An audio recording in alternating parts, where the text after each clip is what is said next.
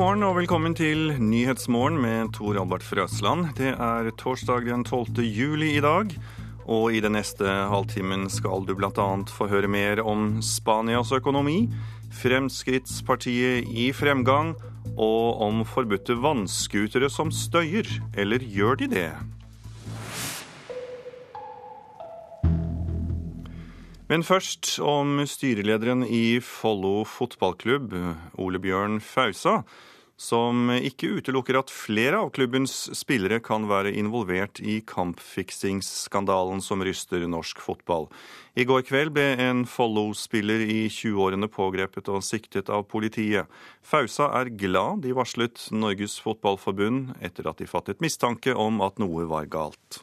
Hvis vi nå tenker tilbake, Eh, med dagens alvorlige utvikling så tenker jeg at vi tok en riktig beslutning på eh, fredag, selv om den var veldig smertefull. For etter at klubben varsla forbundet, har saken vokst i omfang.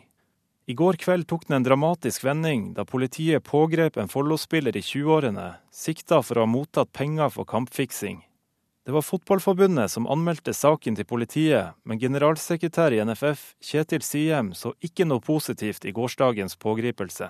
Folk tror kanskje at vi syns det er gode nyheter, men vi gjør nå engang ikke det. Dette er jo trist, for det viser seg da at uh, indisiene og mistankene vi hadde som gjorde at vi gikk til politiet, kanskje er riktig. Andredivisjonsspilleren erkjenner ikke forholdet, og både Siem og Ole Bjørn Fausa understreker at han er uskyldig inntil det motsatte er bevist. Uansett om, om, det sikkert gjenstår uh, mye arbeid og at det uh, på ingen måte er noen som er dømt her, så er jo dette en trist dag for norsk fotball.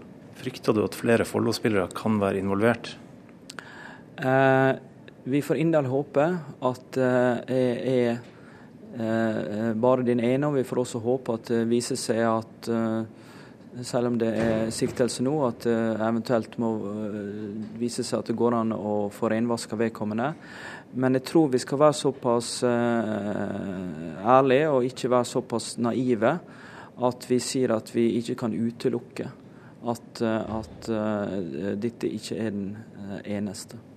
Reportere det var Ole Marius Rørstad og Henrik Jonassen. Andreas Seljås, tidligere spesialrådgiver i Norges idrettsforbund og ekspert på kampfiksing. Vi hører altså at en Follo-spiller nå er siktet. Hva syns du om at dette skjer her i Norge? Eh, nei, det er jo trist at, uh, at vi skal oppleve kampfiksing i Norge, hvis det er tilfellet. Men det er jo bra at Fotballforbundet og politiet sekker opp saken. og Så får vi håpe at det blir en rask konklusjon på dette. her. Det blir sagt at det ikke kan utelukkes at det er flere som har fikset kamper. Hva tror du om det?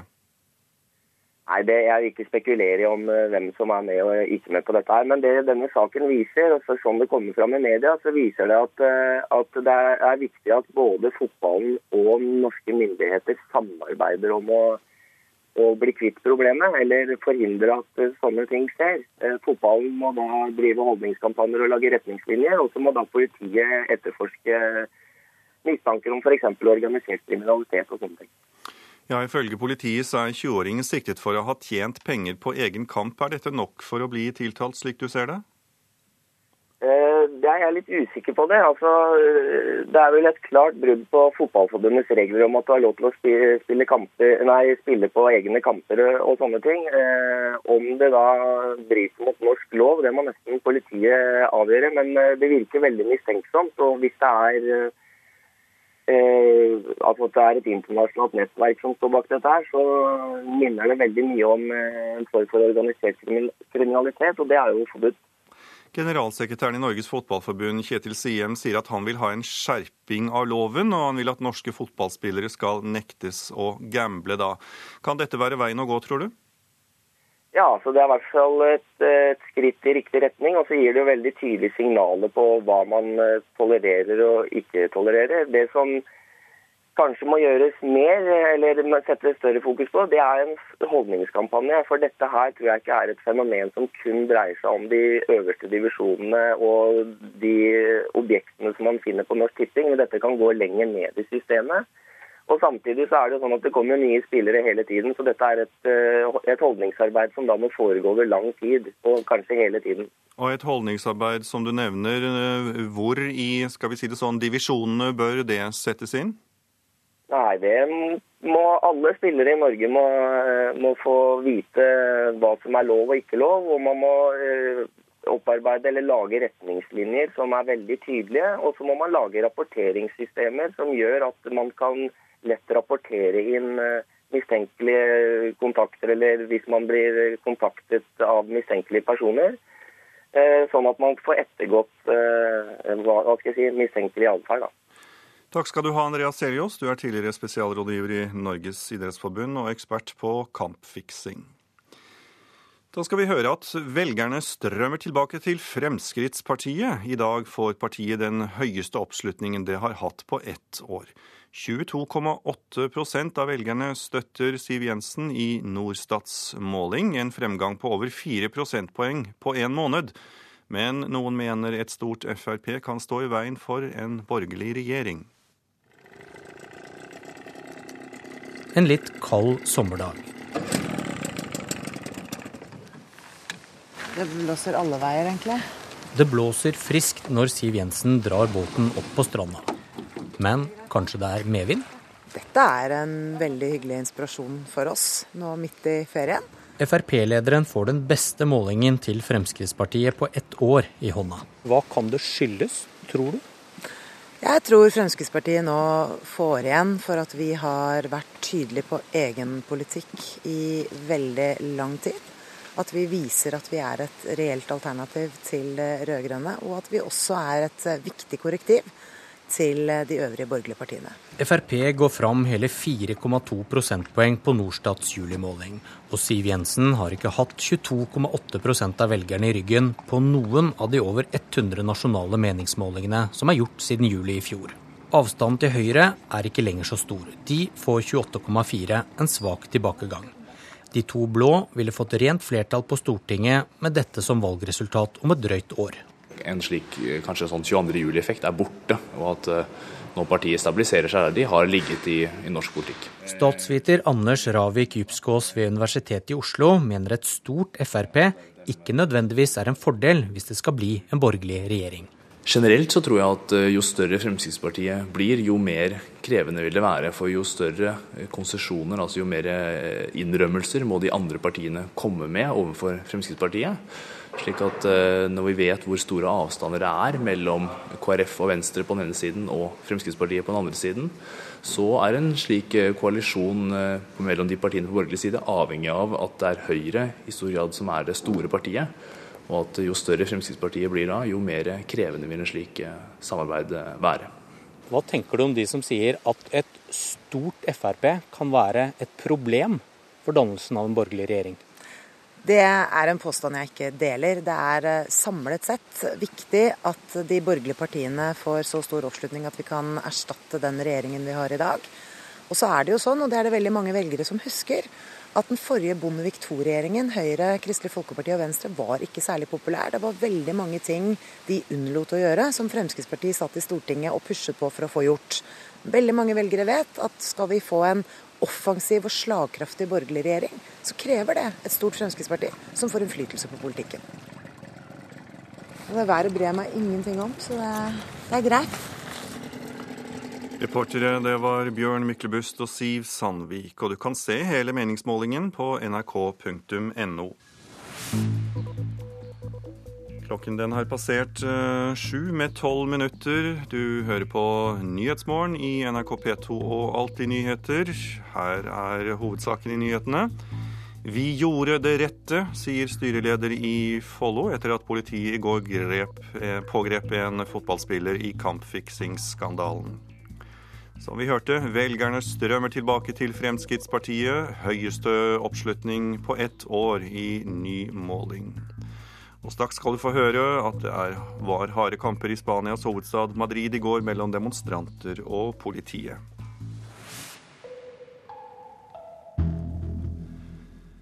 Ja, flere tusen demonstranter gikk ut på gatene i Spanias hovedstad Madrid i går og kom i kamp med politiet. Minst 20 personer ble lettere skadet og flere ble arrestert. Demonstrantene protesterte mot nye sparetiltak og økte skatter.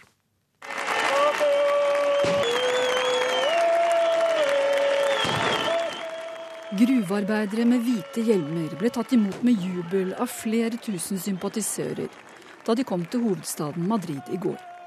De har gjennomført en protestmarsj mot regjeringas planer om å kutte subsidiene til gruvenæringa med over 60%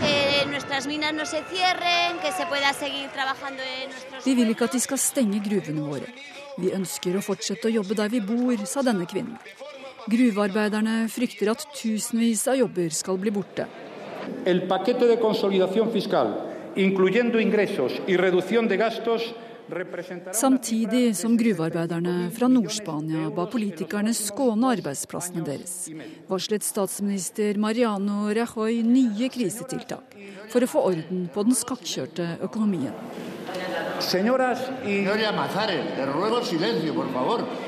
Sparepakken ble mottatt med sterke protester fra opposisjonspolitikere i nasjonalforsamlinga. De måtte roes ned før statsministeren kunne fortsette.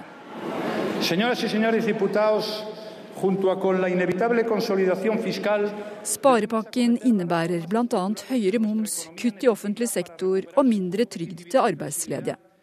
Det skjer i et land der arbeidsledigheten er rekordhøy. Annenhver ungdom under 25 år er uten jobb.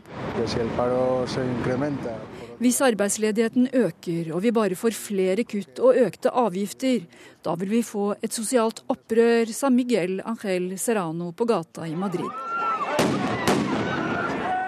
og i går kom demonstrantenes sinne ut av kontroll.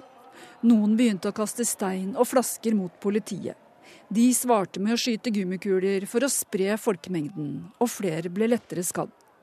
Lignende demonstrasjoner kan det bli flere av i Spania, når regjeringas mål er å redusere budsjettunderskuddet med 65 millioner euro.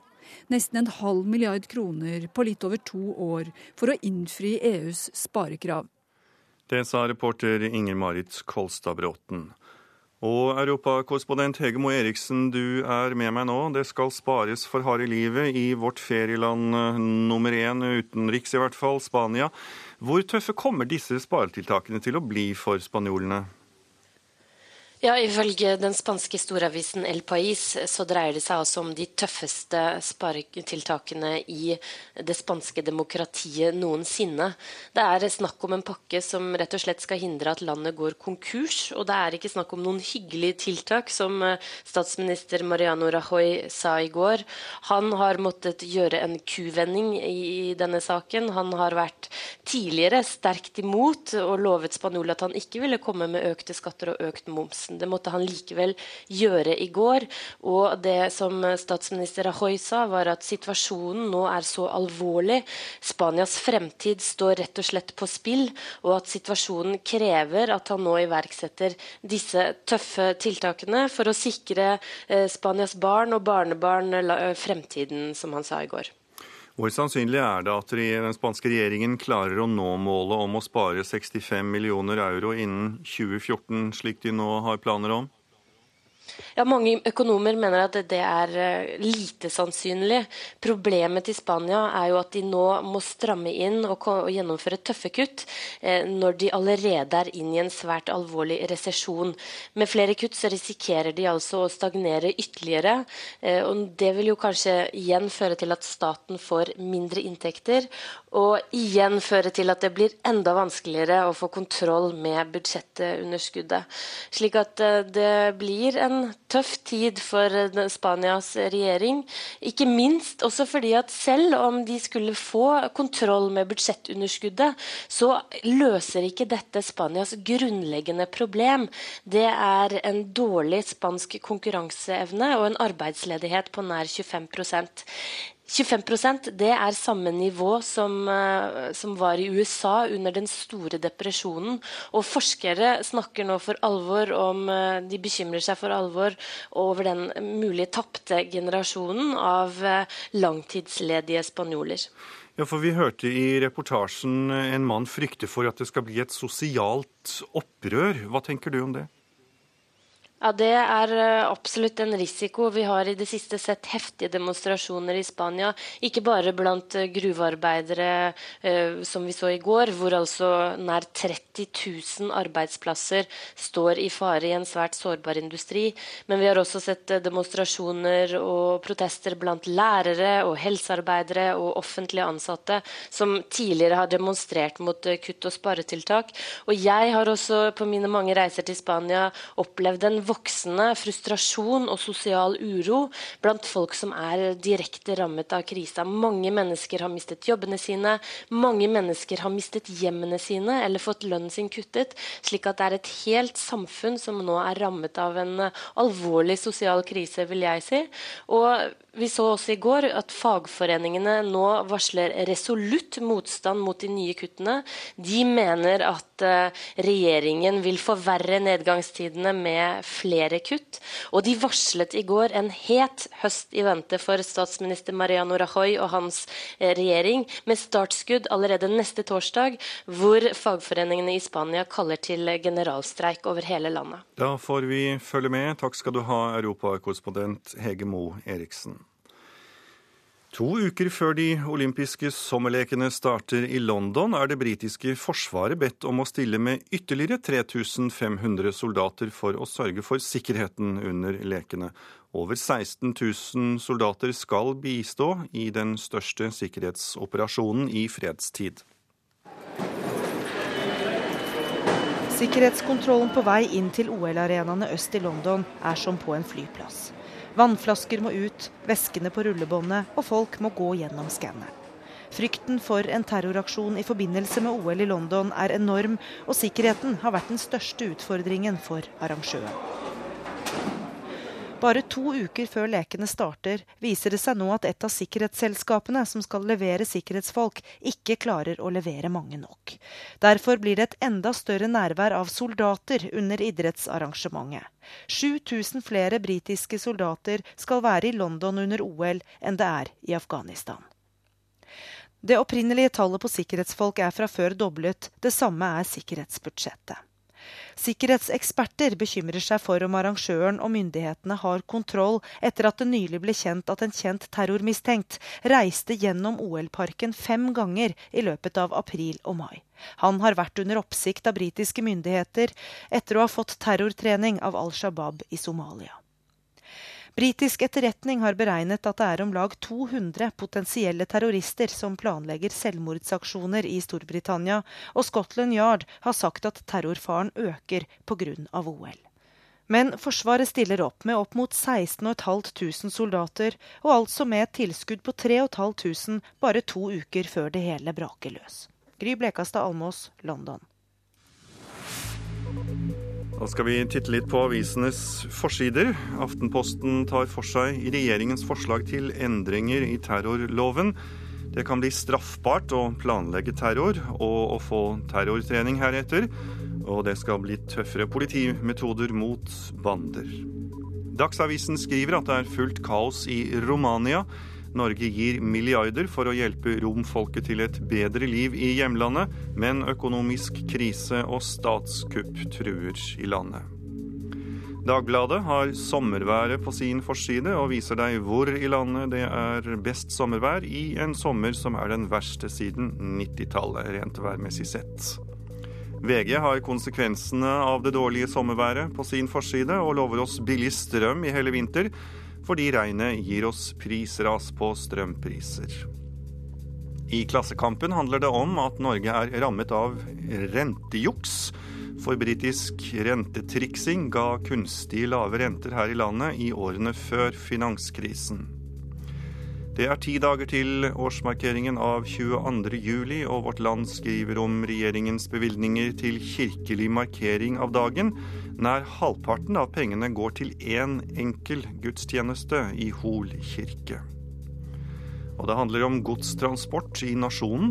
Godsselskapene vil bruke mer tog, men selskapene hevder at kapasiteten på jernbanenettet er for dårlig, og etterlyser flere dobbeltspor og bedre punktlighet. Popikonet Justin Bieber har havnet på forsiden av Dagens Næringsliv. Justin Bieber skulle nemlig skryte av Peter Stordalen etter at Stordalen skulle hente ham til pressekonferanse i sin Ferrari. Men pressekonferansen ble avlyst, og nå krangler Hotell-Petter med plateselskapet om uoppgjorte regninger og kontraktsbrudd. Politiet etterforsker Voss sykehus etter at en ansatt mistenkes for å ha stjålet narkotika, skriver Bergensavisen. Den ansatte som er under mistanke, mistanke er for tiden suspendert. Bergens Tidende har intervjuet vektløfteren Stian Grimseth, som opplevde dopingmarerittet i OL. En feilaktig dom ødela karrieren, og Grimseth er redd det samme kan skje under London-OL i år. I Trondheim er det stopp for startlån, skriver Adresseavisen. Ordningen med startlån skal hjelpe unge og vanskeligstilte med boligfinansiering, men kommunen har brukt opp pengene, og det er innført midlertidig utlånsstopp. Så skal vi høre at vannskutere er ulovlig å bruke, så fremt du ikke har fått spesialtillatelse fra kommunen. Regjeringen mener de både er farlige og at de bråker for mye. Det siste det ville vår reporter Rikard Aune teste. Han tok turen ut i Eidangerfjorden.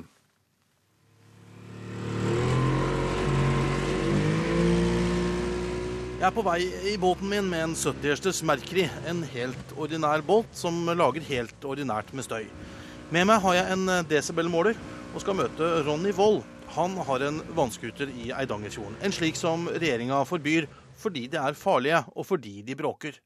Ja, jeg kosa meg med den hardt på hytta og bruker den som en båt fram og tilbake til byen og handle og ærender som jeg gjør med en annen båt. Så jeg vet ikke hvorfor jeg ikke kan bruke denne her. Bråker ikke fælt, da? Nei, det, det syns jeg ikke. Det kan jeg ikke skjønne. Det bråker vel mindre enn en vanlig båt. Nå kan vi jo prøve med din båt etterpå og høre på støyen. Ja. Og så er det farlig på sjøen, sier de? Alt er jo farlig på sjøen. Hvis ikke du bruker vett og følger sjøvettsreglene, så er jo alt, alt er jo farlig. Det omkommer folk hvert år. Men er jo, alt er jo farlig her i livet.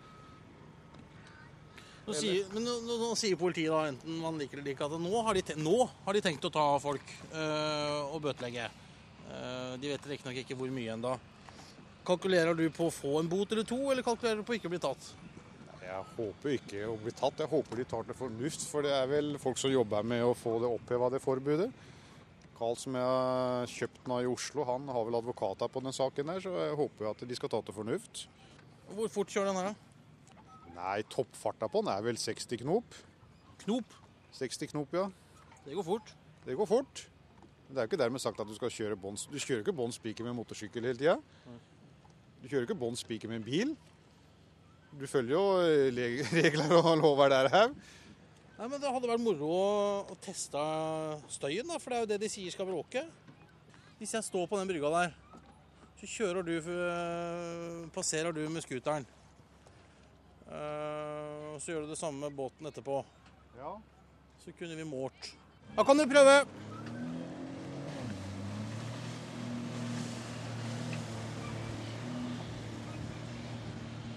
Her passerte den i rundt 20 knop på en avstand på 100 meter. 75 desibel. Da skal vi prøve med en lovlig merkeri. skipsblast med en merkeri. Da kommer Mercury'n med 70 hester på en 100 meters avstand.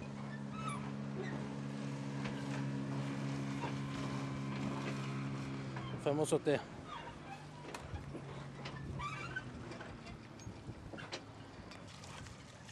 Herfra jeg sto nå, så var det 75 desibel på begge to. Ja. Vitenskapelig kan vi kanskje ikke kalle det, men uh, testen viser i hvert fall at vi klarer ikke å skille en uh, 70 hester Mercury og en uh, vannskuter. De bråker like mye, eller om du vil, like lite. Ja, da fikk vi en klarhet i det fra reporter Rikard Aune.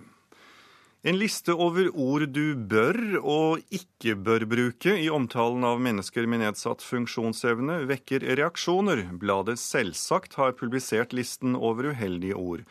Trykkingen av listen med tabuord blåser nytt liv i debatten om språk og stigmatisering. Skal vi se, det er en liste over ord, ja. Skal ikke. Funksjonsfrisk, de funksjonshemmede, yrkeshemmet, psykisk skrøpning, forkrøplet, invalid. Cato Zahl Pedersen ser på en nylig publisert liste over ord og uttrykk som bladet selvsagt anbefaler og fraråder ved omtale av funksjonshemmede. Ja, det er voldsomt mye, da. Som funksjonshemmet idrettsutøver med flere Paralympics-gull fra 80- og 90-tallet er han vant til å bli omtalt i media. Han synes likevel ikke det er behov for ei veiledningsliste av typen som står i siste nummer av Selvsagt. Jeg, kan skjønne det inn i sosial trygdelov og inn i helsevesenet at du må ha en form for tilnærming, men i hverdagen så skal ikke dette her være nødvendig å si noe mer om, altså. Bladet Selvsagt jobber mot diskriminering av funksjonshemmede, og redaktør Ann Kristin Kroken mener imidlertid det er nødvendig å forklare hvorfor de valgte å publisere lista. De fleste redaksjoner, og for så vidt de fleste nordmenn, har fått med seg at eh, det er en del ord man ikke eh, skal bruke når det gjelder f.eks. innvandrere, folk med annen etnisk bakgrunn. Eh, men når det gjelder funksjonshemma, så er det ingen bevissthet på det, og det skaper først og fremst veldig mange misforståelser. Uh, Man bruker f.eks. samme begrep på forskjellige ting. og ja, så Vi syns at det trengtes en opprydning. Men der er ikke språkviter og tidligere direktør i Språkrådet Sylfest Lomheim enig. Han mener det legges for mange restriksjoner i språket. Dette er ganske kompliserte ting, og det å drive og sette opp strenge regler for ordbruk, det er, det er feil. Det er jo ingen som eier ordene i et samfunn. I den forstand at alle eier dem, og det betyr at ingen eier dem. Og det å liksom bestemme over ordbruk er i seg selv et ganske problematisk prosjekt i et språksamfunn. Redaktør Kroken mener på sin side at debatten handler om verdighet. Det er jo et spørsmål hvem som skal ha definisjonsmakta. Det var jo ikke språkviterne som bestemte at ordet neger ikke var gangbart lenger. Cato Zahl Pedersen synes ikke man skal gå for dypt i en slik debatt. Hvorfor skal vi drive og grave i dette? Det er jo mennesker som først og fremst er noe annet enn handikapet sitt. Skal vi se på mennesket gjennom diagnose? Altså, jeg er far, jeg. Jeg er arbeidstaker, arbeidsgiver, jeg er um, ektefelle. Reporter var Martin Hotvedt, så nå blir det Dagsnytt med Silje Sande her i Nyhetsmorgen.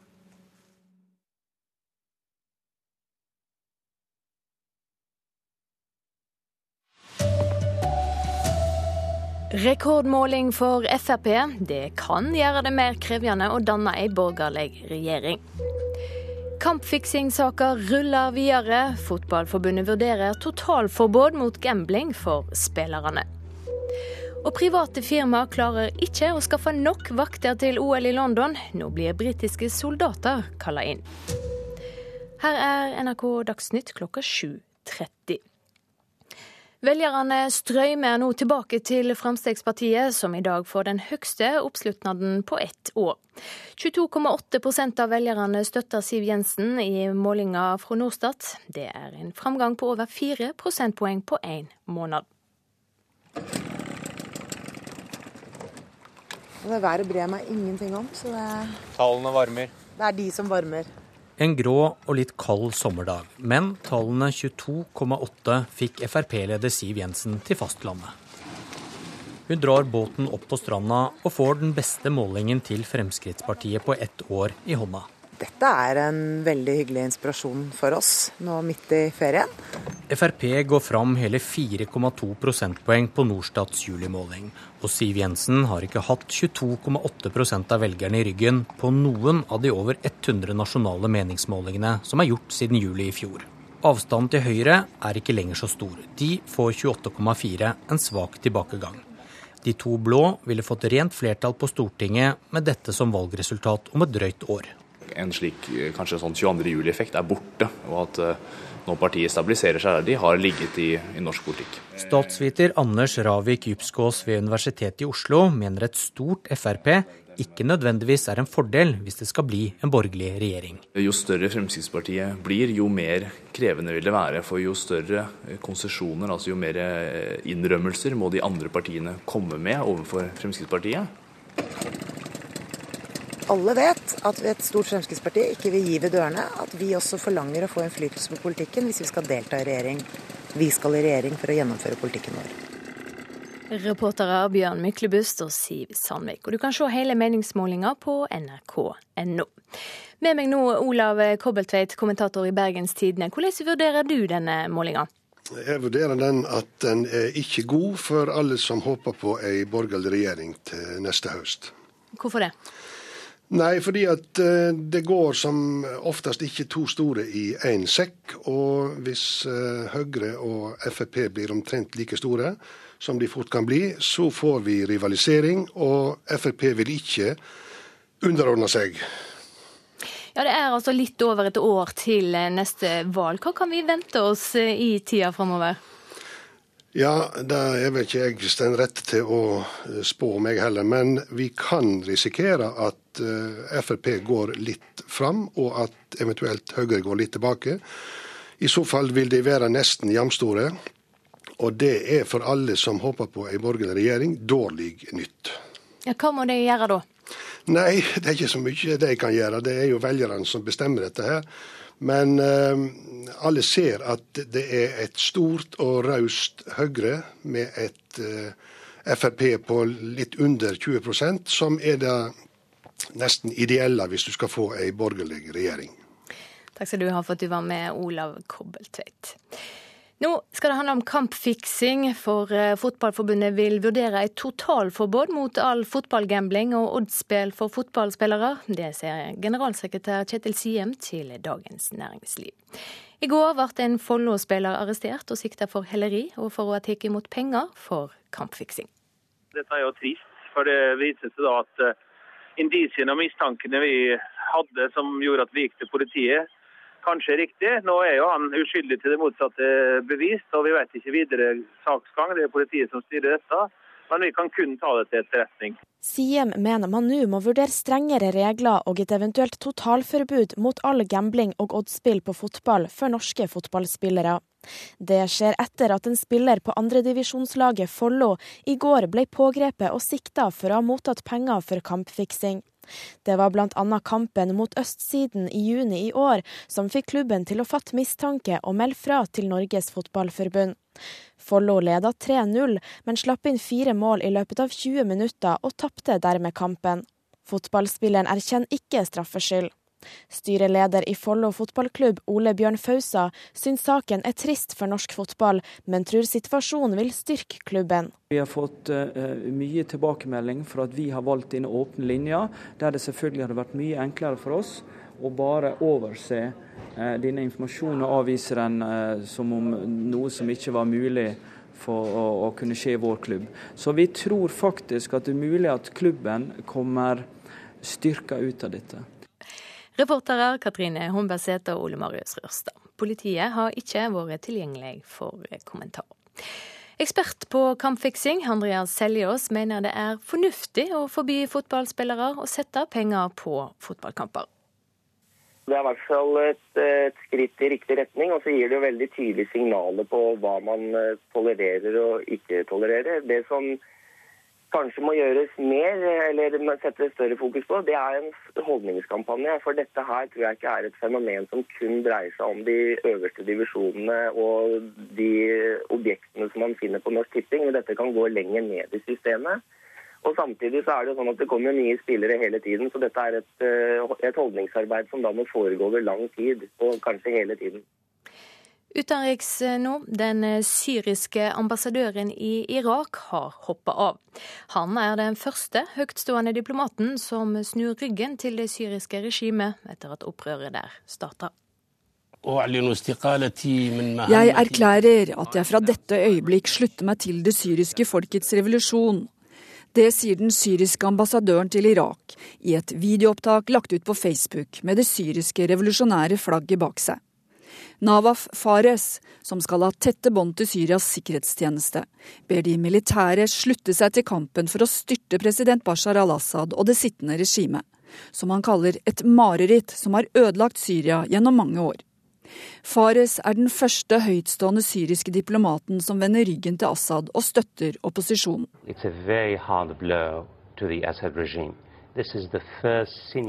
Dette er et hardt slag for Assad-regimet, sier Fawaz Gergis, fra den anerkjente høyskolen London School of Economics til TV-kanalen Al Jazeera.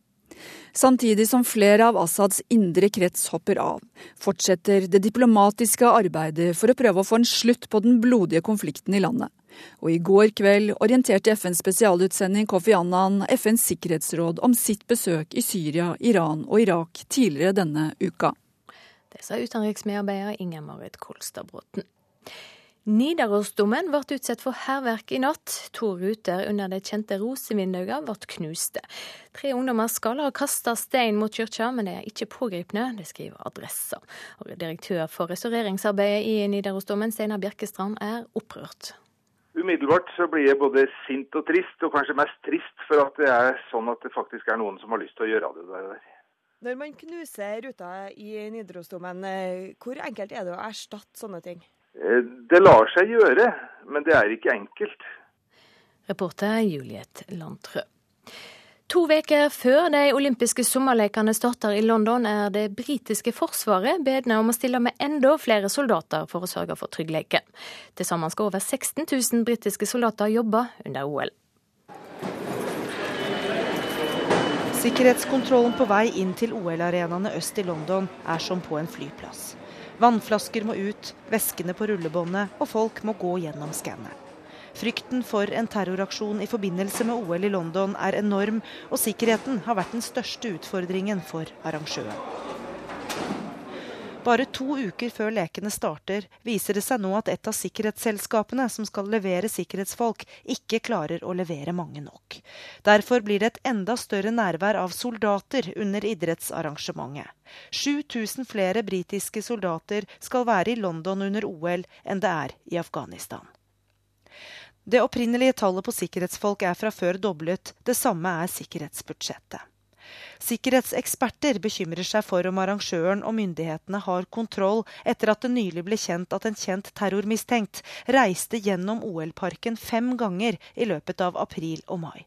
Han har vært under oppsikt av britiske myndigheter etter å ha fått terrortrening av Al Shabaab i Somalia. Britisk etterretning har beregnet at det er om lag 200 potensielle terrorister som planlegger selvmordsaksjoner i Storbritannia, og Scotland Yard har sagt at terrorfaren øker pga. OL.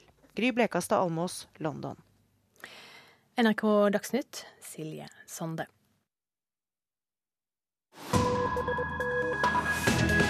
Ja, Fremskrittspartiet får i dag den høyeste oppslutningen partiet har hatt på ett år. 22,8% av velgerne støtter Frp i Norstats måling for NRK. Det er en fremgang på over 4 prosentpoeng på én måned. Men statsviter Anders Ravik Djupskås ved Universitetet i Oslo mener et stort Frp kan stå i veien for en borgerlig regjering. Generelt så tror jeg at eh, jo større Fremskrittspartiet blir, jo mer krevende vil det være. For jo større eh, konsesjoner, altså jo mer eh, innrømmelser må de andre partiene komme med overfor Fremskrittspartiet.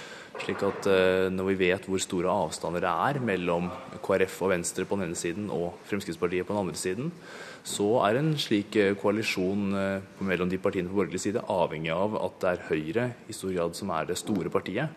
Og at jo større Fremskrittspartiet blir da, jo mer krevende vil en slik eh, samarbeid eh, være. Og du kan se hele målingen på nrk.no. Her i studio har jeg fått besøk av Kaja Storvik, som er sjefredaktør i Dagsavisen. Og fra Bergen så har jeg med meg kommentator i Bergens Tidende, Olav Kobbeltveit. Og Kobbeltveit, hvorfor øker Frp med over 4 ifølge denne målingen, tror du? Nei, det er ikke så lett å si. Ehm, jeg vil kanskje minne om at eh, NRK Nordstad sine målinger alltid har eh, Frp ganske høyt. Så det trenger ikke eh, være at de er så høye som 22,8 eller 9, var det vel. Men ehm, en framgang kan de ha hatt, uten at jeg ser hva partiet har gjort som skulle tilsi det. Det kan jo være at de ikke har gjort noe galt. Kaja Storvik, eh, hvordan forklarer du at Frp går eh, så kraftig frem? Du, hvis, man på, altså hvis, man skal se på, saker som kan ha vært uh, avgjørende for dette her, så, så, er det jo det er to sånne saker som, som, tradisjonelt sett kunne gitt Frp høyere oppslutning, som har vært veldig tydelig i nyhetsbildet i det siste. Det ene er denne terror, eller den nordmannen som er mistenkt for terrortrening i Jemen. Uh, og det andre er den voldsomme tiggerdebatten uh, som, som, skaper en polarisering i politikken, og man, man ser på en måte at skaper et engasjement mot, eh, mot innvandring. Som, som, som det er altså, tradisjonelle saker som, som, kan trekke velgere til Frp. Men det som man heller ikke skal glemme, er at det er midt på sommeren. Og meningsmålinger som er tatt opp om sommeren, de er mindre pålitelige enn meningsmålinger som er tatt opp ellers. Hvorfor det? Det er fordi at velgere er på ferie. Eh, og det er sånn at velgerne i de ulike partiene Selvfølgelig ikke altså i snitt, de drar på ulike typer ferier. Eh, og det er sånn at f.eks. FrPs velgere trolig eh, holder seg mer i landet og er mer tilgjengelig, rett og slett, eh, om sommeren. Sånn at det er ikke uvanlig at Frp gjør det hvassere på sommermeningsmålingene enn det de gjør ellers. Vi får ta med oss det i mente. Olav Kobbeltveit, Fremskrittspartiet hevder at 22. juli-effekten er borte. Hva menes med det? Uh, nei, det, de mener nok at uh, Arbeiderpartiet fikk uh, en stor bølge av sympati etter det som skjedde. Og det tror jeg er rett. Og det kan godt hende at vi er på vei tilbake til det normale. Men om det uten videre skal tilsi at Frp skal gå fram, det, det ligger vel ikke nødvendigvis i kortene. Bare, bare en liten til, til Kaja Storvik. Ja. Det, Bortsett ifra altså i hennes resonnement om tiggere, så er det jo Høyre som har profilert seg på å forby tigging og tiggere, og, og mindre Frp. Kaja? Altså det som er, er at uh, det er helt riktig at i Oslo så er det Høyre som har vært eh, tydelig. Det har for så vidt Frp også vært. Det er bare at Høyre har ordføreren, så de har ikke sluppet til uh, i like stor grad i den debatten. Men det er sånn at dette er, altså, det er type saker som treffer, treffer velgere, og som engasjerer og får folk til å gå ned fra gjerdet og inn og si at de ønsker å stemme. Og sånn sett er den tiggerdebatten en klar, god sak for Frp. Det kan det være.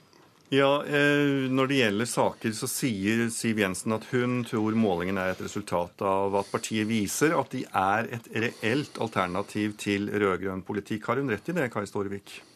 Det som er, er at eh, nå har det jo vært mange målinger lenge som har vist, altså, eller sånn over en lang periode som har vist blå-blått flertall.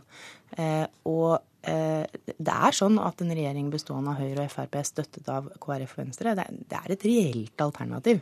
Eh, Norge er et demokrati. Når de ligger an til å vinne valget, så, er det et reelt alternativ. Det er veldig mange kommentatorer som er glad i å si det motsatte. Eh, og det er fordi at veldig mange ikke ønsker en sånn type regjering. Eh, men jeg vil minne om hvordan det ble snakket om SV før, eh, før, de rød-grønne vant valget. Det var helt umulig. En fullstendig uansvarlig økonomisk politikk. Det har vist seg, altså, det går ikke så bra med SV i regjering, men det har gått ganske greit å ha SV i regjering. Så det er klart at, at det er en mulighet. Eh, og det tror jeg norske velgere ser veldig godt. Olav Kabeltveit, hvis vi skal titte litt fremover, hva tror du denne målingen kan si for hva vi kan forvente oss ved neste valg? Eh, nei, Jeg legger ikke så mye vekt akkurat på denne målinga, men jeg legger vekt på mange målinger vi har hatt som viser at eh, det er et eh, blått flertall i Norge for tida. Og, og, det kan godt hende at det holder seg. Nå har vi hatt ei rød-grønn regjering. altså I 2013 vil de ha sittet i, i åtte år. Det er lang tid med en flertallsregjering, sånn at det gir seg nok gjeldende et visst sug etter å skifte. Ja, Men, Snakker vi også om den berømte regjeringsslitasjen her? Ja, det snakker vi absolutt om. Ehm, men i mitt høve er det sånn at eh, det er lettere å få til ei borgerlig regjering med et stort Høyre, som ofte viser seg å være raust når det er stort og som kan lettere samarbeide med et Frp som si, ligger under 20 hvis Høyre ligger på 30. Hvis, de, hvis la oss si at eh, Frp nå går fram 3% og Høyre går tilbake 3 så er de omtrent like store. Og det er den minst gunstige, eh, det minst gunstige utgangspunkt for å skipe en regjering på den sida. Til slutt, Kaja Storvik, når vi er inne på dette med Høyre og den borgerlige siden, hva har det å si for forholdet mellom Fremskrittspartiet og Høyre at eh, Frp ser ut til å ta igjen eh, noe av Høyres forsprang?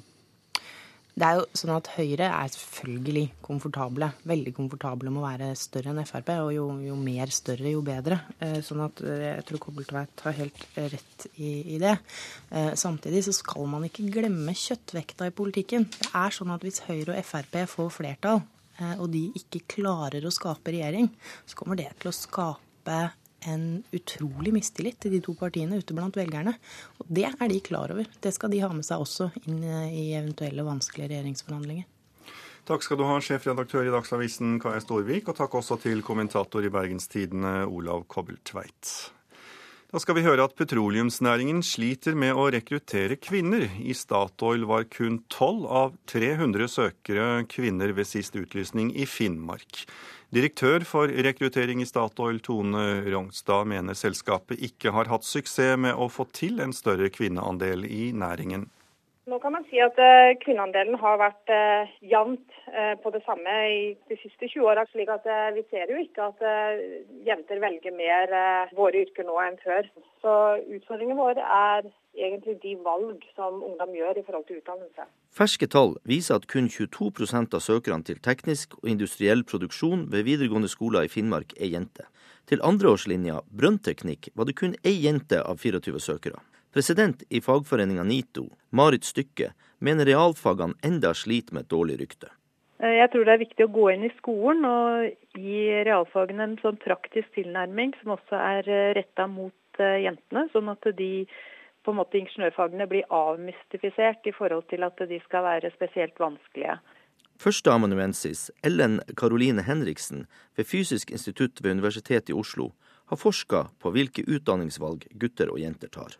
En ting som kommer ut av den uh, forskningen vår, er jo det at utdanningsvalg på en måte er et identitetsvalg i stor grad. Sånn at ungdom spør seg selv kanskje ikke bare hva, hva vil jeg bli, hvilket yrke vil jeg ha, men hvem vil jeg være? Og hvis petroleumsindustrien da gir sikker jobb og god lønn og alt mulig, men likevel ikke blir valgt, så må det være et eller annet med at særlig jenter da ikke klarer å se seg selv i den bransjen.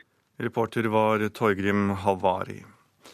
Kriminelle i Årdal i Sogn har en langt større sjanse til et godt liv etter endt soning enn andre kriminelle ellers i landet.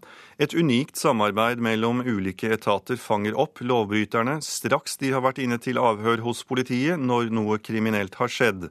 Prosjektleder for Tenk tryggleik, Knut Arne Klingenberg, vil nå ha regjeringen på banen for å få innført Årdalsmodellen i resten av landet. Klingenberg, hvordan går det med deg? Vil du gjøre en avtale? Du kan komme ned til meg eh, på onsdag, du. Skal vi si klokka ti? Knut Arne Klingenberg får nok en telefon fra en av brukerne. Den som ringer, er en med lang fortid som rusmisbruker, men nå med von om ei god framtid uten kriminalitet. Når eh, gjerningsmannen er tatt og har vært i avhør hos politiet, så får de tilbud om å være med i prosjektet Tenk tryggleik. Eh, der kan de svare ja eller nei, og hvis de svarer ja og har lyst på oppfølging, så får de det prompte. Enten det gjelder rus, ran eller andre kriminelle handlinger, så står apparatet klar for den det gjelder, og det nytter. Kommune, kriminalomsorg, Nav og andre slår ring kring brukeren. Og det kan til dømes være hjelp til egen bostad, økonomisk støtte eller hjelp til å få en jobb. Alt for å sikre mot gjentaking, og for å sikre vedkommende et verdig liv før retten har tatt saka opp til doms. Dette er domstolene svært nøgde med, og ofte ender det med fotlenkesoning eller samfunnstjeneste i stedet for fengsel. Pga. det arbeidet som er gjort på førehånd i Årdal. Altså, Jeg eh, har jo trukket opp to linjer som er helt, helt identiske. Da. Hvis du tar Samhandlingsreformen på én linje, og du tar tilbakeføringsarbeidet og, og dette med kriminalitet på én linje, så er de hoggende like. Det som jeg ser helt klart, er at eh, nærhetsprinsippet det er utrolig viktig. Dvs. Si at det må ligge ute i kommunene, og at det er kommunene som må gjøre noen ting med det. Og, og hvordan han videre skal forvalte det, det, det mener jeg det må komme noen overordna føringer på, sånn at det blir likt på landsbasis. Daværende justisminister Knut Storberget var så begeistra over det de fikk til i Årdal, at han med et pennestrøk forlenga prosjektperioden med to år i 2010.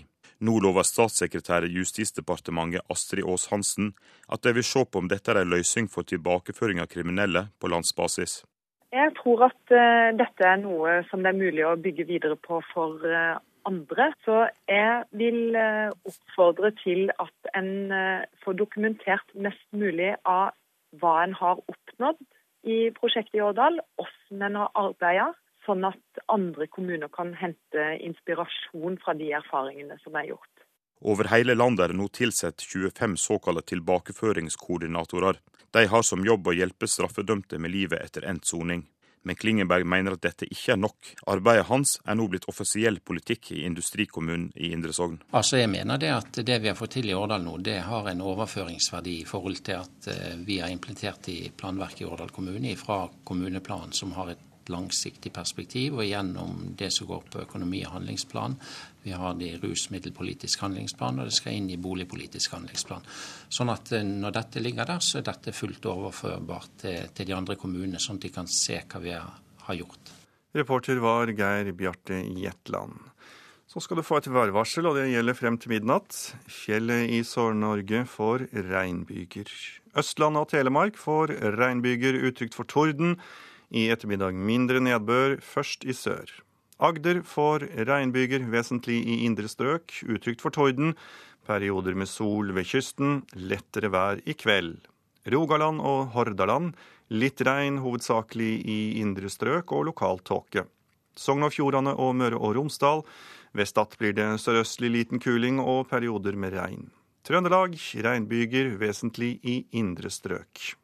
Helgeland, Saltfjellet, Salten og Ofoten fra i formiddag regn. Lofoten og Vesterålen får for det meste oppholdsvær, perioder med sol. Troms litt regn i sør og i indre strøk, ellers for det meste oppholdsvær og perioder med sol. Vest-Finnmark med vidda Østlig periodevis liten kuling på kysten, litt regn først på dagen, senere oppholdsvær og perioder med sol.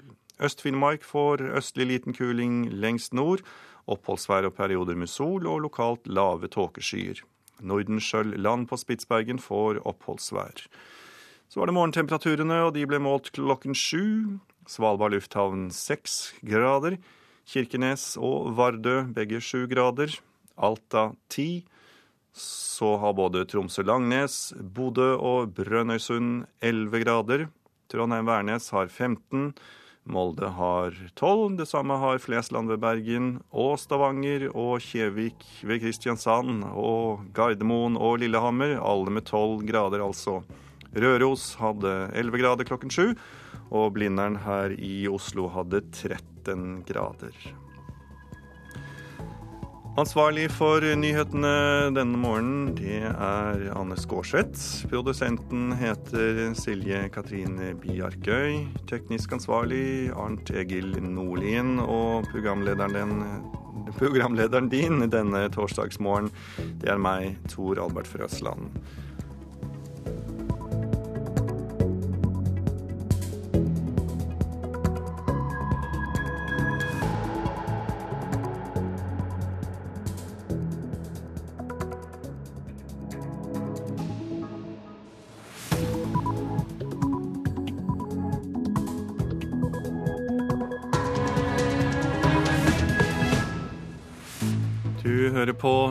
Nyhetsmorgen i P2 og Alltid nyheter. Jeg heter Tor Albert Frøsland, og den neste halvtimen skal vi til Fornebu, der Norwegian legger frem tall. Og vi skal høre om en syrisk ambassadør som snur ryggen til det syriske regimet og hopper av. Men først, velgerne strømmer tilbake til Fremskrittspartiet. I dag får partiet den høyeste oppslutningen det har hatt på ett år. 22,8% av velgerne støtter Siv Jensen i Norstats måling. Det er en fremgang på over 4 prosentpoeng på én måned. Det været bryr jeg meg ingenting om, så det Tallene varmer? Det er de som varmer. En grå og litt kald sommerdag, men tallene 22,8 fikk Frp-leder Siv Jensen til fastlandet. Hun drar båten opp på stranda og får den beste målingen til Fremskrittspartiet på ett år i hånda. Dette er en veldig hyggelig inspirasjon for oss nå midt i ferien. Frp går fram hele 4,2 prosentpoeng på Norstats julimåling. Og Siv Jensen har ikke hatt 22,8% av velgerne i ryggen på noen av de over 100 nasjonale meningsmålingene som er gjort siden juli i fjor. Avstanden til Høyre er ikke lenger så stor. De får 28,4, en svak tilbakegang. De to blå ville fått rent flertall på Stortinget med dette som valgresultat om et drøyt år en slik kanskje sånn 22. juli-effekt er borte, og at uh, når partiet stabiliserer seg der de har ligget i, i norsk politikk. Statsviter Anders Ravik Djupskås ved Universitetet i Oslo mener et stort Frp ikke nødvendigvis er en fordel hvis det skal bli en borgerlig regjering. Jo større Fremskrittspartiet blir, jo mer krevende vil det være. For jo større konsesjoner, altså jo mer eh, innrømmelser må de andre partiene komme med overfor Fremskrittspartiet. Alle vet at et stort Fremskrittsparti ikke vil gi ved dørene at vi også forlanger å få innflytelse på politikken hvis vi skal delta i regjering. Vi skal i regjering for å gjennomføre politikken vår. Reportere var Bjørn Myklebust og Siv Sandvik, og du kan se hele meningsmålingen på nrk.no. Sjefredaktør i Dagsavisen, Kaja Storvik, mener debatten rundt tiggerne i Oslo kan være en av årsakene til partiets fremgang. Altså hvis man skal se på saker som kan ha vært uh, avgjørende for dette her, så, så, er det jo det er to sånne saker som, som, tradisjonelt sett kunne gitt Frp høyere oppslutning, som har vært veldig tydelig i i det siste. Det ene er denne terror, eller den nordmannen som er mistenkt for terrortrening i Jemen. Uh, og det andre er den voldsomme tiggerdebatten uh, som, som, skaper en polarisering i politikken, og man, man ser på en måte at skaper et engasjement mot, eh, mot innvandring. Som, som, som det, altså, tradisjonelle saker som, som, kan trekke velgere til Frp. Men det som man heller ikke skal glemme, er at det er midt på sommeren. Og meningsmålinger som er tatt opp om sommeren, de er mindre pålitelige enn meningsmålinger som er tatt opp ellers. Hvorfor det? Det er fordi at velgere er på ferie. Eh, og det er sånn at velgerne i de ulike partiene, selvfølgelig ikke altså i snitt, de drar på ulike typer ferier. Eh, og det er sånn at f.eks. FrPs velgere trolig eh, holder seg mer i landet og er mer tilgjengelig, rett og slett, eh, om sommeren. Sånn at eh, det er ikke uvanlig at Frp gjør det hvassere på sommermeningsmålingene enn det de gjør ellers. Vi får ta med oss det i mente. Olav Kobbeltveit, Fremskrittspartiet hevder at 22. juli-effekten er borte. Hva menes med det? Uh, nei, det, de mener nok at uh, Arbeiderpartiet fikk uh, en stor bølge av sympati etter det som skjedde. Og det tror jeg er rett. Og det kan godt hende at vi er på vei tilbake til det normale. men om det uten videre skal tilsi at Frp skal gå fram, det, det ligger vel ikke nødvendigvis i kortene. Bare, bare en liten til, til Kaja Storvik. Ja. Bortsett ifra altså i hennes resonnement om tiggere, så er det jo Høyre som har profilert seg på å forby tigging og tiggere, og, og mindre Frp. Kaja? Altså det, som er at, uh, det er helt riktig at i Oslo så er det Høyre som har vært uh, tydelig. Det har for så vidt Frp også vært. Det er bare at Høyre har ordføreren, så de har ikke sluppet til uh, i like stor grad i den debatten. Men det er sånn at dette er, altså, det er type saker som treffer velgere, og som engasjerer og får folk til å gå ned fra gjerdet og inn og si at de ønsker å stemme. Og sånn sett er den tiggerdebatten en klar, god sak for Frp. Det sa sjefredaktør i Dagsavisen Kaja Storvik, og du hørte også kommentator i Bergenstidene Olav Kobbeltveit. Styreleder i, i Follo fotballklubb, Ole Bjørn Fausa, vil ikke utelukke at flere av klubbens spillere kan være involvert i kampfiksingsskandalen som ryster norsk fotball. I går kveld ble en Follo-spiller i 20-årene pågrepet og siktet av politiet. Fausa er glad de varslet Norges Fotballforbund etter at de fattet mistanke om at noe var galt. Hvis vi nå tenker tilbake eh, med dagens alvorlige utvikling, så tenker jeg at vi tok en riktig beslutning på eh, fredag, selv om den var veldig smertefull. For etter at klubben varsla forbundet, har saken vokst i omfang. I går kveld tok den en dramatisk vending da politiet pågrep en Follo-spiller i 20-årene, sikta for å ha mottatt penger for kampfiksing. Det var Fotballforbundet som anmeldte saken til politiet, men generalsekretær i NFF, Kjetil Siem, så ikke noe positivt i gårsdagens pågripelse. Folk tror kanskje at vi syns det er gode nyheter, men vi gjør nå engang ikke det. Dette er jo trist, for det viser seg da at uh, indisiene og mistankene vi hadde som gjorde at vi gikk til politiet, kanskje er riktig. Andredivisjonsspilleren erkjenner ikke forholdet, og både Siem og Ole Bjørn Fausa understreker at han er uskyldig inntil det motsatte er bevist. Uansett om, om, det sikkert gjenstår uh, mye arbeid og at det uh, på ingen måte er noen som er dømt her, så er jo dette en trist dag for norsk fotball. Frykter du at flere Follo-spillere kan være involvert? Uh, vi får inderlig håpe at det er bare din ene, og vi får også håpe at det viser seg at selv om det er siktelse nå, at det eventuelt må vise seg at det går an å få renvaska vedkommende. Men jeg tror vi skal være såpass uh, ærlige og ikke være såpass naive at vi sier at vi ikke kan utelukke at, uh, at uh, dette ikke er den eneste. Reportere var Ole Marius Rørstad og Henrik Jonassen. Så skal vi høre at Forsvarsdepartementet har bedt Luftforsvaret lage en reserveløsning dersom de ny, det nye NH90-helikopteret ikke blir levert snart. Seks år etter at alle 14 helikoptrene skulle være på plass, har Forsvaret bare fått ett i drift på Bardufoss. Det sier statssekretær Roger Ingebrigtsen. Det viktigste for oss er å få uh, maritime helikopter ganske raskt. Det første kommet, men vi registrerer at det har tatt ca. seks år fra de skulle vært levert. I 2001 signerte Forsvaret en kontrakt om levering av 14 nye helikoptre av typen NH90 til bruk av Kystvakta og på de nye fregattene. Seks år etter at de skulle være på plass, er bare ett levert. For Kystvakten betyr dette at de fortsatt må bruke sine gamle Lynx-helikoptre. De har vært i drift siden 1980-tallet, sier kommandørkaptein Ottar Haugen. Lynxen begynner å gå ut på sin tid, og, og vi har mindre og mindre tilgjengelighet på den, samtidig som vi ikke får eh, tilgjengelighet av nye helikoptre. Nå har altså Forsvarsdepartementet bedt Luftforsvaret om i løpet av sommeren å utarbeide en reserveløsning for å skaffe nye helikoptre dersom NH90-ene uteblir. Hvor lenge man kan vente før det blir aktuelt å starte en ny innkjøpsprosess, vil ikke statssekretær Roger Ingebrigtsen si noe om. Men han sier at leveringstid vil bli viktig i valget av en eventuell ny leverandør. Det er ikke førstevalget. Førstevalget vårt er helt klart å få NH90-helikoptrene til Bardufoss så fort som mulig. Men vi lager altså en reserveplan dersom årene strekker enda mer ut. Reporter var Kaspar Fuglesang. Du hører på Nyhetsmorgen i P2 og Alltid nyheter. Klokken den er 8.42, og dette er hovedsakene i dag. Fremskrittspartiet tar et godt jafs innpå Høyre på NRKs siste meningsmåling. Med 22,8% oppslutning er dette den beste målingen for partiet på et helt år. Norges Fotballforbund vil nekte alle spillere å sette penger på fotballkamper. I går ble en mann pågrepet for kampfiksing.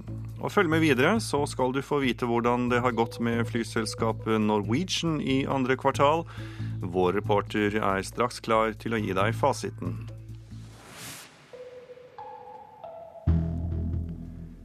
Den syriske ambassadøren i Irak har hoppet av. Han er den første høytstående diplomaten som snur ryggen til det syriske regimet etter at opprøret startet. Jeg erklærer at jeg fra dette øyeblikk slutter meg til det syriske folkets revolusjon. Det sier den syriske ambassadøren til Irak i et videoopptak lagt ut på Facebook med det syriske revolusjonære flagget bak seg. Nawaf Fares, som skal ha tette bånd til Syrias sikkerhetstjeneste, ber de militære slutte seg til kampen for å styrte president Bashar al-Assad og det sittende regimet, som han kaller et mareritt som har ødelagt Syria gjennom mange år. Fares er den første høytstående syriske diplomaten som vender ryggen til Assad og støtter opposisjonen.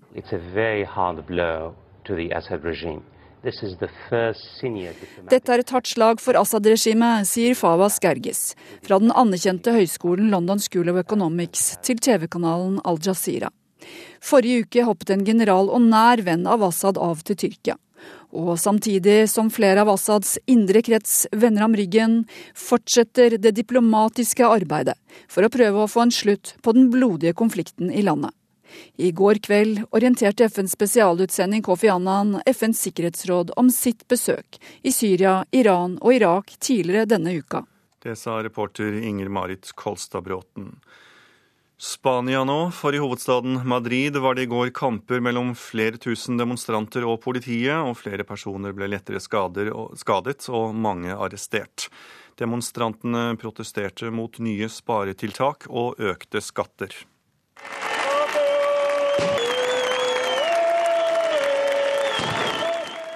Gruvearbeidere med hvite hjelmer ble tatt imot med jubel av flere tusen sympatisører da de kom til hovedstaden Madrid i går.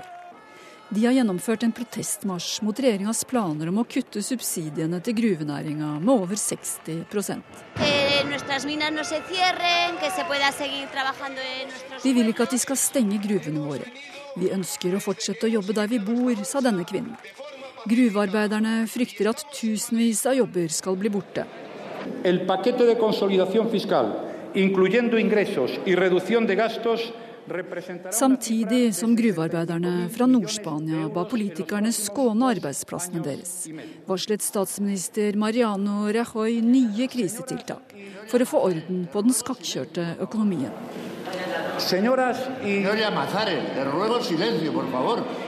Sparepakken ble mottatt med sterke protester fra opposisjonspolitikere i nasjonalforsamlinga. De måtte roes ned før statsministeren kunne fortsette.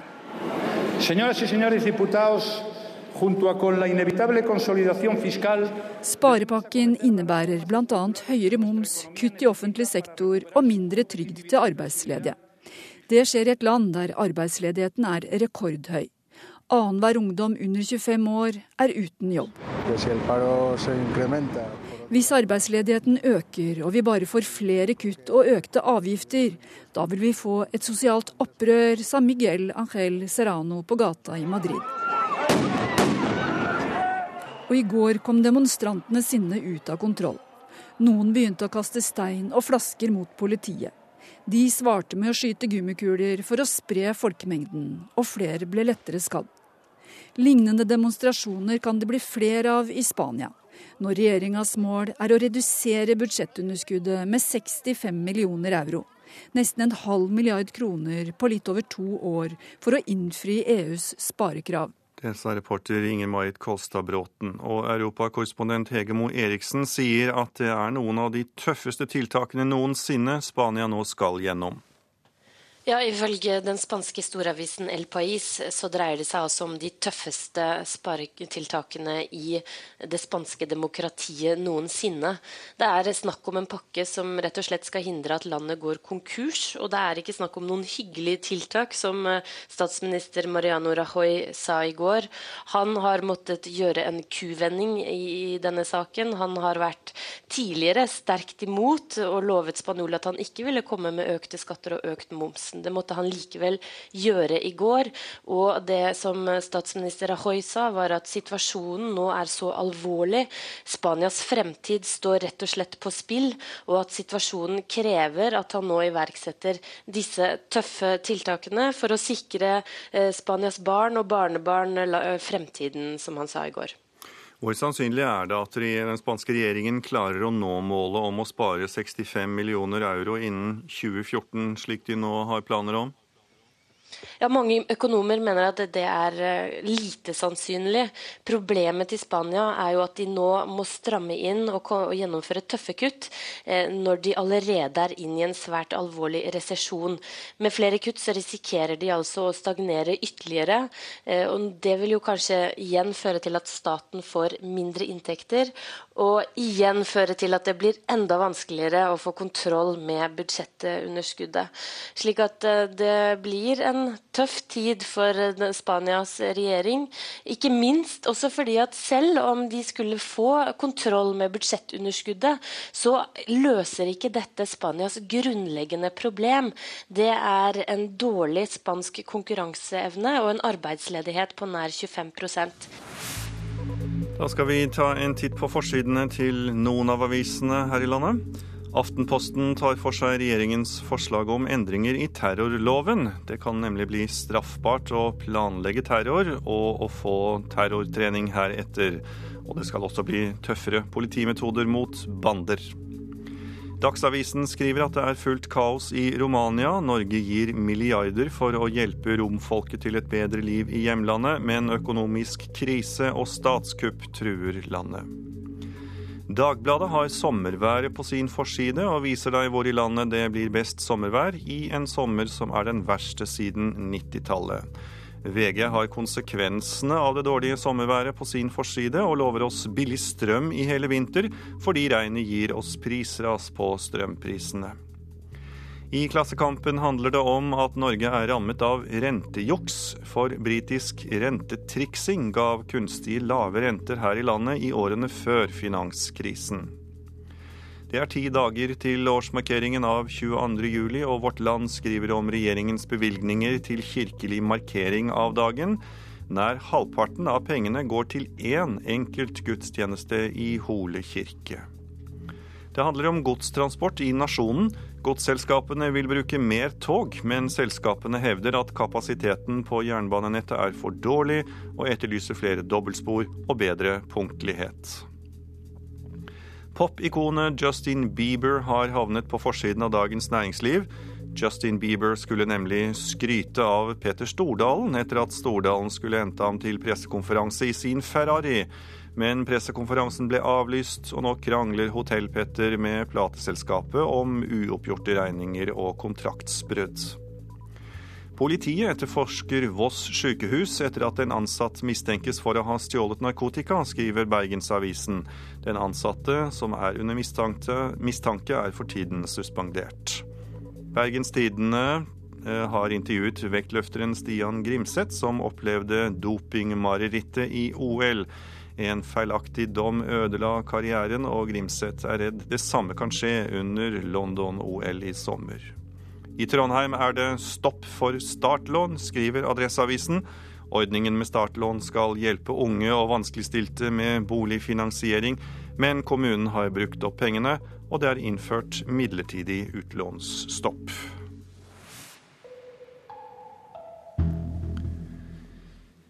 Da skal vi til den gamle flyplassen for Oslo, Fornebu. For et drøyt kvarter siden la nemlig flyselskapet Norwegian frem resultatet for annet kvartal i år. Og i hovedkvarteret til Norwegian, der er du reporter Bjørn Myklebust. Og hvordan går det med flyselskapet?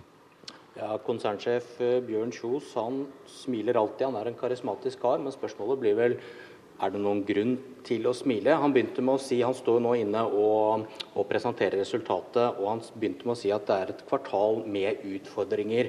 Men Norwegian fortsetter å vokse. Eh, resultatet for annet kvartal, det vil da si april til juni, det er et resultat før skatt på 125 millioner kroner, og det er en forbedring med 50 millioner kroner. Og Antall passasjerer gikk opp med 11% eller 430 000, og flyene er ja, nesten fulle, 76% en liten nedgang fra i fjor. Og så er det jo en historie om at Norwegian kjøper mange nye fly. Det var vel 222 de varslet om eh, ved nyttårstider. Og innfasingen av disse, det er også historien om dette. Men så var det dette med utfordringen, da. Han hadde med to røde kolonner. Og det ene er oljeprisen, som gjør at det blir dyrere å fly. Drivstoffprisen går opp. Litt over 100 millioner kroner kostet det Norwegian. Og så var det vekterstreiken, som også kostet drøyt 70 millioner kroner. Så da forstår jeg at du har en med en ekspert som kan fortelle litt om har han grunn til å smile, eller har han det ikke? Ja, det skal vi absolutt høre. Takk skal du ha, Bjørn Myklebust. Eh, for eksperten, han heter Hans Erik Jacobsen, og han er for, fra meglerhuset First. 125 millioner forbedring på 50 millioner. Jacobsen, har Kjos grunn til å smile? Ja, det har han. Resultatet er som du sier vesentlig bedre enn eh, det vi så i fjor. Og eh, følgen, eh, eller Grunnen til det er jo at inntektene er kommet noe opp, altså billettprisene er høyere. Og Samtidig har Norwegian klart å drive kostnadene ned i forhold til det nivået vi så i fjor. Så Norwegian har all grunn til å være fornøyd med den fremgangen de viser. Og denne fremgangen, hvordan svarte den til forventningene? Den var omtrent som eh, ventet. Eh, vi hadde riktignok eh, ventet noe lavere tap pga. vekterstreiken. Den ble jo på hele 70 millioner kroner og, bidrar jo til at resultatet da er svakere enn hva det ellers ville vært. Men i det store og hele så, er resultatene tilfredsstillende og generelt i tråd med forventningene våre og ellers i markedet. Hva blir viktig for Norwegian fremover? Ja, Det er jo et veldig press fortsatt på billettprisen, da, selv om vi har sett de har kommet noe opp. og Konkurransen er hard. Eh, og Utfordringen i Europa er jo store med den svake økonomiske veksten vi ser. Så eh, det er jo om å gjøre å fortsatt å eh, presse kostnadene ytterligere ned. Og samtidig sørge for å ha et produkt som da slår an hos publikum med destinasjoner som folk vil reise til. Så foreløpig så tror jeg dette går bra, men, men det er ikke tvil tvil om at den uh, europeiske vekten, veksten, uh, som er svært svak for tiden, er en utfordring for Norwegian og de fleste andre flyselskapene. Ja, intet tre vokser inn i himmelen, som det heter.